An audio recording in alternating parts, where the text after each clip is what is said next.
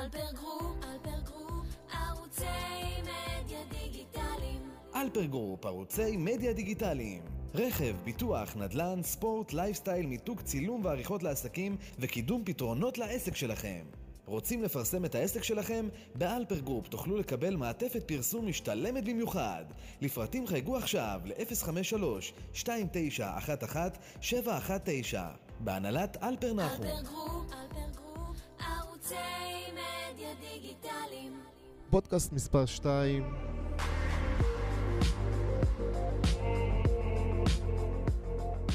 אנחנו מאלפר, באלפר גרופ, אה, שאנחנו גם בערוץ הנדל"ן, בערוץ הביטוח, כאן עם איציק סימון, חברי היקר.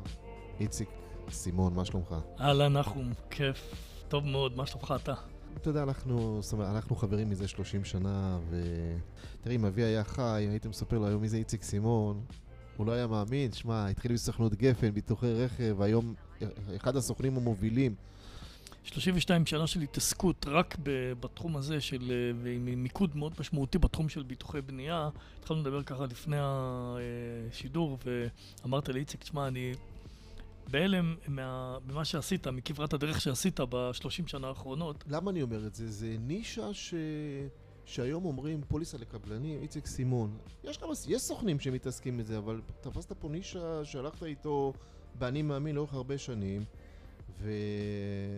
ודיברנו לפני השידור שאני אמרתי 60-70 אחוז, אמרת לי, נחום, אל תגזים, הצ- הצניעות שלך. לא, לא, לא, כאילו, לא, לא, זה לא עניין של צניעות, זה, פשוט לא נכון. בוא, נשים את הדברים על השולחן, תקשיב, אה, אתה יודע, לה- להגיע לקהלים כאלה, אתה יודע, כמה עוסקים בענף הבנייה יש בארץ? תן בערך הערכה גסה. אני לא יודע, זה, זאת אומרת, אני... הערכה גסה שלי, כן. הערכה גסה שלי, סדר גודל של אה, קרוב ל-20 אלף. אה, לקחת אה, 60 או 70 אחוז, בואנה הלוואי, אני אשמח, אבל זה לא המצב. אה, אנחנו, יש לנו נתח נכבד, בהחלט נתח נכבד ומאוד איציק, יפה. אתה יודע מה, בוא, אני פעם דיברתי עם יושב ראש איגוד ה... עם זנזורי. כן, עם רפי זנזורי, ו- חבר טוב, כן. כן, כן. ופעם אמרתי לו, זאת אומרת, אה, יש הרבה אנשים, אנשים שהם הם לא יודעים מה, ההבדל בין אה, יזם לבין קבלן. כאילו, ויש הבדל, כאילו, נכון? בנושא- שיש יזם ויש קבלן. את מי אתה מבטח? יש יזמים שאתה מבטח אותם ולא את הקבלנים, או את היזמים עצמם, ויש רק את הקבלנים, כאילו, מי, מי ה... תראה, כמד- כמדיניות של ניהול סיכונים של היזם, המצב שאנחנו ממליצים עליו תמיד, זה שהיזם יערוך את ביטוח העבודות הקבלניות בעצמו עבור הפרויקט, ולמה? כי מה לעשות במקומותינו, לצערנו, יש תחל- תחלופה משמעותית של, אה, של קבלנים באתרי בנייה. המון פעמים אה, קבלנים מתחילים את הפרויקט, ואתה ביצוע, יכול, אתה מדבר- אפשר להגיד אתה בגדול, מדבר על קבלן ביצוע, כאילו. נכון, קבלני ביצוע המון פעמים מתחלפים, הם, הם או מסולקים מהפרויקט או מסתלקים מהפרויקט. אה, זה נפוץ מאוד, דרך אגב, בפרויקטים של התחדשות עירונית. בפרויקטים של התחדשות עירונית, אה, כמות התחלופה של קבלנים היא ממש בתמ"א 38 למשל, התחלופה היא פשוט... אה, אני כל פעם מופתע מחדש, זה לדעתי מגיע לסדרי גודל ממש של 60-70 אחוז מהקבלנים שמתחילים את הפרויקט לא מסיימים אותו. תשמע, זה מדהים.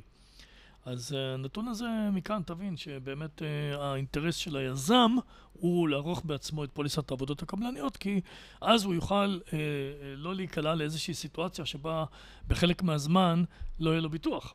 אה, אם הקבלן, למשל, אה, אה, קיבל את התפקיד של עריכת הביטוח בעצמו, והוא פתאום עזב את הפרויקט או נטש אותו, או הסתלק מהפרויקט, היזם יכול להישאר במצב שאין ביטוח לפרויקט.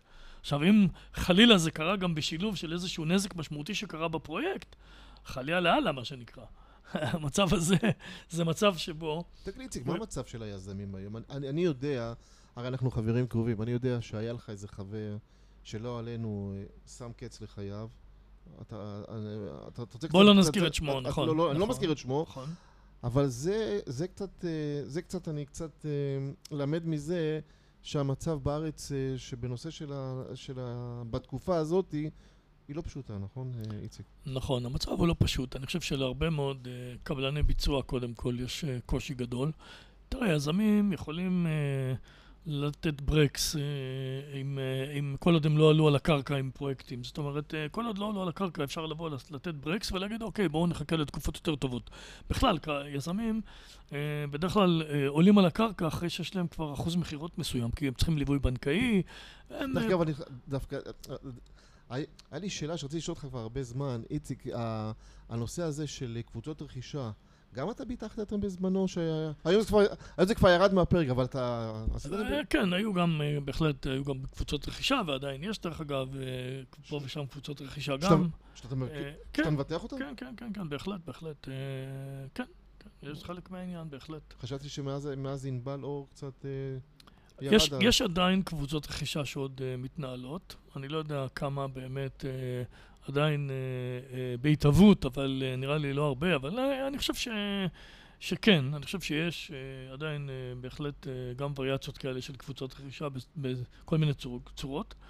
Uh, זה ברור שכשיש מארגן uh, קבוצות, uh, כמו במקרה של ענבל אור, או במקרה גם uh, האחרון של, uh, של פרי, uh, אז יכולים להיות בהחלט בעיות... Uh, איך זה מתבצע, איציק? אה, בוא תן לי לראות, אה, תן להבין למאזינים שלנו, איך אה, אה, סוכן ביטוח שמבטח קבלנים, איפה זה מתחיל? הרי זה אבו ג'ערס, נראה לי, מההתחלה. כאילו, נכון, זה נכון, זה נכון. תראה, מבחינת היזמים, לא הקבלנים, היזמים, זה באמת מתחיל בשלבים הרבה יותר מוקדמים. מבחינת הקבלן זה מתחיל בשלב שבו הוא מקבל אה, למעשה חוזה, אה, טיוטת חוזה מול היזם, והוא צריך להתחיל אה, לבחון את ההתחייבויות שלו וכולי וכולי, ואחרי זה לחתום, ואחרי זה לקבל צו התחלת עבודה, ולהתחיל את העבודות. אבל אצל היזם הדברים מתחילים בשלבים הרבה יותר מוקדמים, ובדרך כלל החברות היזמיות המסודרות מגיעות אלינו באמת בשלבים המוקדמים, מקבלים, מקבלים מאיתנו שירותים של בעצם ליווי בכל השלבים המוקדמים האלה, ולאט לאט זה מתחיל, אה, ככל שהפרויקט מתקדם, זה מגיע לבעלי המקצוע הנוספים, אה, כמו בעלי המקצוע כמובן שלוקחים חלק בעבודות הפרויקט, קבלני משנה, קבלנים, קבלן ראשי אם זה קבלן ראשי, וכיוצא בזה. אה, ואחר כך, כשזה משתרשר לקבלן, שאלת קודם מי עורך את הביטוח, האם היזם או הקבלן, אז ברור שהנכון הוא שהיזם יערוך את הביטוח, כדי שבמקרים של תחלופת קבלנים, כמו שאמרתי קודם, אה, הוא, אה, תהיה- פוליסת ביטוח לפרויקט באופן רצוף מצד אחד. מצד שני, ליזם תהיה שליטה על אה, טיב הכיסוי הביטוחי, שזה דבר מאוד חשוב, כי הפוליסות בארץ הן באמת מורכבות, מסובכות, ומבחינת טיב הכיסוי הביטוחי, אם היזם יודע מה הוא קונה, אז הוא יודע מה הוא קונה. אם הוא מטיל על קבלן, אז יכולים להיות סימני שאלה אה, מהו סוג וטיב הכיסוי הביטוחי שנרכש לפרויקט. חוץ מזה, כמובן, אה, הקבלן, היזם גם רוצה שתהיה לו שליטה על השאלה מי יקבל תגמולי ביטוח בקרות נזק, למשל. יש, יש מצב שאתה נותן הצעת ביטוח קבלני ליזם והמבטח אומר לך, איציק, לא? תקשיב, אנחנו נמצאים בדיוק בתקופה שוואלה, שאלת עכשיו שאלה והרמת להנחתה. אה? נושא חשוב מאוד, כי תשמע, בדיוק כשבדרך אליך, אמרתי לעצמי, רגע, על מה אני הולך לדבר עם נחום בעצם? ואחד מהדברים החשובים שאמרתי לעצמי זה, וואלה, אנחנו נמצאים עכשיו באיזשהו סוג של פרשת דרכים, אפשר להגיד, אה, מבחינת אה, אה, מידת המעורבות של מבטחי המשנה מחו"ל, בפוליסות שנערכות פה בישראל. מבטחי המשנה לאור שורת הפסדים ארוכה מאוד במשך הרבה מאוד שנים. אה, אה, פשוט אה, אפשר להגיד די יצאו מהשוק הישראלי, נשארו בו מעטים, והמעטים שנשארו העלו מחירים מצד אחד, מצד שני גם הרימו השתתפויות עצמיות לרמות שאנחנו לא מכירים. תגיד נחום, מה ההשתתפות העצמית בביטוח צד שלישי או ביטוח מקיף לרכב היום בממוצע? תן לי ככה פחות או יותר ממוצע. ביטוח מקיף או אתה מדבר על צד שלישי? כאילו, ביטוח... נניח מקיף ונניח צד שלישי. תן לי שתי, שתי האופציות. הרי אתה יודע, איציק, זה, זה תלוי איזה, איזה רכב אני מדבר, אבל אתה יודע, בין 2,000 ל-4,000 שקל. יפה, איתך. יפה, יפה. זה סכום שכל אחד יכול לעמוד בו, נכון? בלי שום בעיה. כן. עכשיו תחשוב שבתביעות אה, אה, צד שלישי, סכומי ההשתתפות העצמית עלו בצורה דרסטית. ככל שהפרויקט אה, שוויו גבוה יותר, ככה גם ההשתתפות העצמית גבוהה יותר, כי כשצריך, כשהביטוח הוא פקולטטיבי, דהיינו, פקולטטיבי זה אומר שפונים איתו למבטחי המשנה, והוא מעבר לחוזים הקיימים של חברות הביטוח, מעבר לפסיליטי של חברת הביטוח פה בארץ, היא מעבירה את התמחור לחברת הביטוח בחו"ל, חברת הביטוח בחו"ל מגישה הצעות מחיר שכשאתה בוחן אותם אתה רואה שההשתתפויות העצמיות המון פעמים הן פשוט מרקיעות שחקים בצורה בלתי רגילה סתם להמחיש, למשל, 100 אלף שקל לצד שלישי, 100 אלף שקל לחבות מעבידים, אה, 150 אלף שקל לתביעות שיבוב של המוסד לביטוח לאומי, מה שרק עד לפני שנה עמד על 20 אלף שקל, שזה גם כן נחשב לגבוה יחסית. אבל פה, איציק, אני רוצה לשאול אותך משהו. פה זה, יש פה בעיה, כי ברכב, תשמע, אוקיי, מנורה לא ביטחו, אני הולך לאיילון. איילון לא ביטחו, אני הולך ל... אני, יש לי, יש לי, יש לי 13-14 חברות ביטוח, אני מקבל הצעה. נראה לי שאצלכם זה קצת, כי פה אתה הולך עם איזה חברה אחת, אתה, אתה לא עם הרבה חברות. אני חושב, אני חושב שהדבר הראשון שבעצם אה, לקוח אה, מהשורה צריך לעשות, זה קודם כל לבחור את סוכן הביטוח, כי סוכן הביטוח, מאחר שהפוליסות פה בארץ הן באמת אה, פוליסות שמחייבות, טיפול, מחייבות, אז יזם יודע, הוא בא לאיציק סימון, כי, תשמע, כי... רוב הסיכויים שתשמע... לא רק איציק סימון, דרך אגב, יש גם כמובן בעלי מקצוע נוספים טובים, אבל אה, אה, אני חושב שבאמת אה, מה שחשוב ליזם ולקבלן זה להגיע לאיש מקצוע שהוא איש מקצוע שמיומן ובקיא בתחום של ביטוח עבודות קבלניות, ויש כמה כאלה, לא רק אני. אבל זה חשוב מאוד להגיע לבעל מקצוע, ו, כי, כי העסק הוא מאוד מאוד מורכב, תבין. תן ניחוש, כמה עמודים בערך פוליסת ביטוח עבודות קבלניות מכילה, לפי דעתך? וואי, וואי, וואי. התקלת אותי, שמע, למדתי המכללה לביטוח לפני הרבה שנים, איציק, ש- כשהייתי ילד. אני סדר לא- גודל, לא- בוא, נגיד, אתה יודע מה, ולמדתי... תשמע, קבלן קונה פוליסת ביטוח. אה, נכון, קבלן קונה פוליסת ביטוח. מה הוא מצפה לקבל? מה, הוא מצפה לקבל מגילת אסתר? לא. אוקיי, אז זה מה שהוא מקבל. אנחנו מדברים פה על בין 55 ל-70 עמודים בפוליסה אחת. מי קורא את כל זה, תגיד?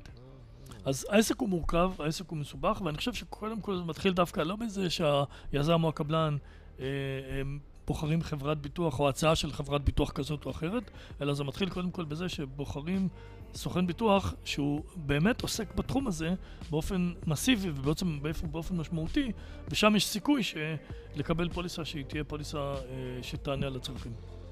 פודקאסט אה, מספר 2, איציק סימון אה, ונחום אלפר באלפר גרופ. איציק, שיהיה לך שנה טובה, אחי היקר. שנה טובה, אחי. תודה ו- רבה. שנה. טובה לכל עם ישראל. כאן נחום אלפר, אני מאחל לכולם שנה טובה, חג שמח. אתם uh, תהיו איתנו עוד בהמשך, גם בפייסבוק, גם ביוטיוב וגם בפודקאסטים נוספים. תודה וכל טוב.